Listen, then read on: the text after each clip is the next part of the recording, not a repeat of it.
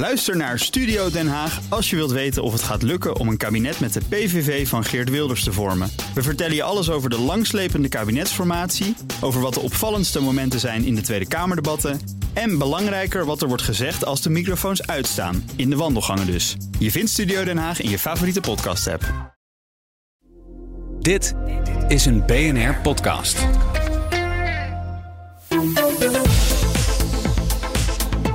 Ja, iedere dag ook een blik op de wereld. En die blik komt van BNR Europa-verslaggever Geert-Jan Haan. Welkom Geert-Jan.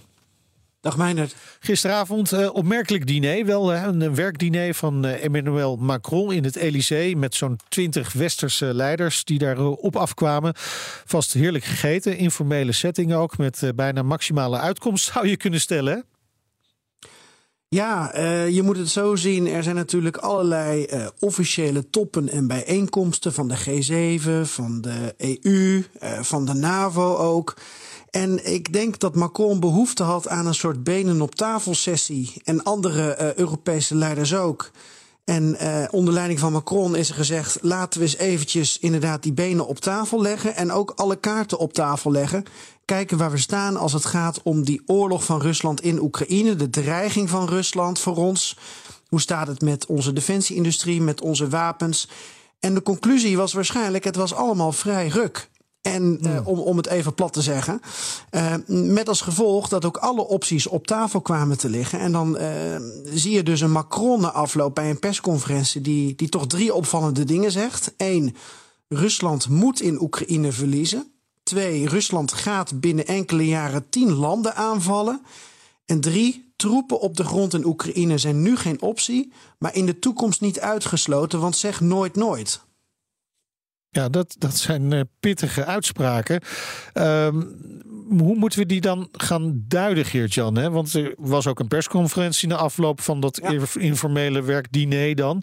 Uh, daar werd dit onder andere allemaal gezegd. Moeten we nou echt rekening gaan houden met westerse boots on the ground in Oekraïne? Alles wat ik probeer uit te leggen, probeer ik met zoveel mogelijk nuance uit te leggen, Meindert. Uh, het is ten eerste niet te voorspellen. En het is ook um, uh, niet zo zwart-wit. Maar je, je, moet het als volgt zien.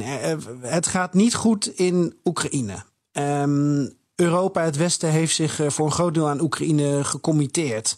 Uh, er zijn nog wel een aantal stappen tussendoor te zetten. Je kunt nog denken aan uh, nou ja, nog meer munitie sturen, munitie in derde landen gaan halen. Je kunt denken zelfs aan het sluiten van het luchtruim in West-Oekraïne. Je kunt landen toestemming geven, of je kunt Oekraïne toestemming geven om met westerse wapens doelen in Rusland te raken.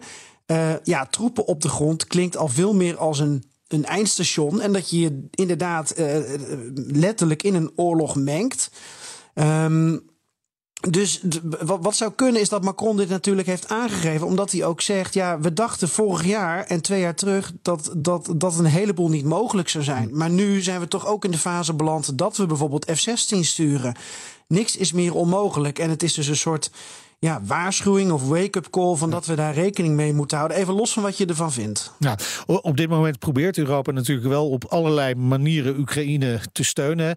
Eh, wat was gisteravond nou het belangrijkste thema daarin?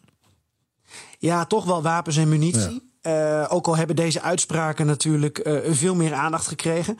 Laten we kort met de wapens beginnen. Er komt een coalitie van landen die Oekraïne gaat helpen met lange afstandswapens en bommen. Um, ja, om te produceren en te faciliteren. De coalitie van diepe aanvallen. Het is een van de vele coalities die nu, die nu wordt opgezet. Ook wel een beetje lange neus van Macron richting Scholz. Zo voelt het qua timing. Want Scholz zei gisteravond juist dat hij echt niet de Duitse Taurus, de lange afstandsraket, wil sturen uit angst voor escalatie met Rusland. En hij zegt er ook nog bij, en dan komen we weer uit bij die boots on the ground. Ja, dan moet ik ook Duits personeel meesturen om dat wapensysteem in Oekraïne te bedienen. Um, dat vindt hij dan te gevaarlijk. Um, ja. Waarop Macron weer zou kunnen zeggen: ja, wij sturen ook lange afstandswapens samen met de Britten. En dat doen de Oekraïners zelf. Maar dat even ja. terzijde. Nou, wa wapens misschien dus moeilijker. Munitie wat makkelijker. Valt daar wat over te zeggen?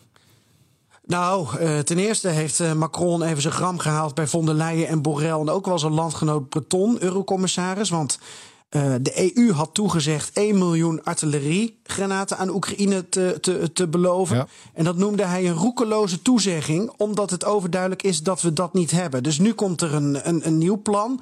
Eigenlijk onder aanvoering ook van de Tsjechen, die buiten Europa en buiten NAVO-gebied zijn gaan shoppen. En ook met allerlei landen in gesprek zijn over. Nou, wil je misschien munitie Um, uh, heb je munitie? Mogen wij dat kopen? Je hoeft uh, ook niet bekend te maken dat je die munitie aan ons geeft. Dus bijna onderhandse handel. Het komt ook niet in de boeken. En dan kunnen wij dat aan Oekraïne geven. En Frankrijk is nu ook niet langer uh, tegen het gebruik van Europees geld voor de aankoop van munitie van buiten de EU. Waren ze altijd wel uit soevereine overwegingen. Um, maar nu zeggen ze ja, waarschijnlijk de nood is zo hoog. We moeten buiten de deur shoppen. Ja, en onder aanvoering van de Tsjechen dan dus. Ja, want die hebben dus 800.000 artilleriestuks uh, gevonden. En uh, Rutte heeft gisteravond ook gezegd: uh, ja, Nederland gaat 100 miljoen euro bijdragen voor die aankoop van die granaten uit misschien wel Zuid-Korea, misschien wel Zuid-Afrika, misschien wel landen binnen de NAVO die dat niet willen zeggen. Dan denk ik aan Bulgarije. Maar dit, dit is allemaal wat ik denk. Uh, maar er zou anderhalf miljard euro ongeveer nodig zijn. Dus dat geld is er nog niet. En daarom is het belangrijk dat een land als Frankrijk heeft gezegd: Nou, uh, wij willen misschien nu toch wel bijdragen. Ja, en, en als je kijkt naar de rol van Nederland gisteravond. Want Rutte speelt natuurlijk een bijzondere uh, rol op dit moment. Ja, omdat hij daar eigenlijk ook misschien wel als toekomstig NAVO-baas ja, is. Inderdaad. Uh, hij heeft uh, gezegd, boots on the ground was geen agenda-onderwerp. Het kwam dus wel als idee langs. Maar tot nu toe heb ik alleen maar landen en leiders en staatshoofden gezien die zeggen, uh, wij waren het niet.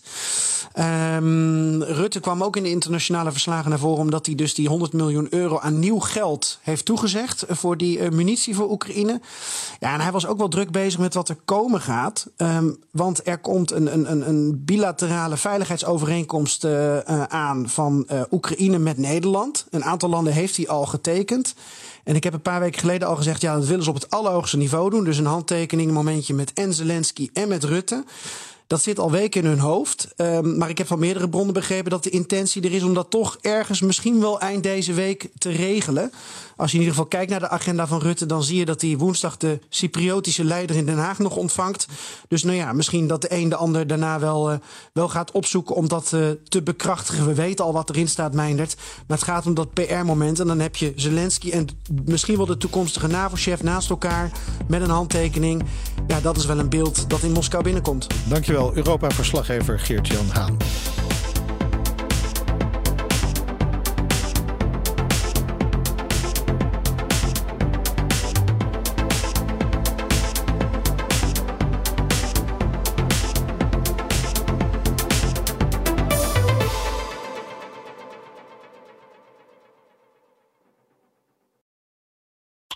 Harm Edens vind je in de BNR-app. Je kunt BNR Duurzaam niet alleen live luisteren in de app, maar ook terugluisteren als podcast, zoals al onze podcasts. En naast dat de BNR-app Breaking News meldt, houden we je ook op de hoogte van het laatste zakelijke nieuws. Download nu de gratis BNR-app en blijf scherp.